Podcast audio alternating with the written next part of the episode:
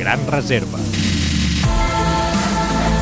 Avui fa 112 anys de la primera edició del Tour de França, la primera competició ciclista per carretera i per etapes. La cursa que començava i acabava a París es va disputar en sis etapes amb una distància de 400 quilòmetres, molt més que en les actuals. En aquella primera edició els ciclistes competien individualment i no per equips i pagaven 10 francs per córrer la classificació general o 5 per competir en una sola etapa. 60 ciclistes van participar en la cursa, però només 21 la van completar. La gran majoria eren francesos, belgues i suïssos.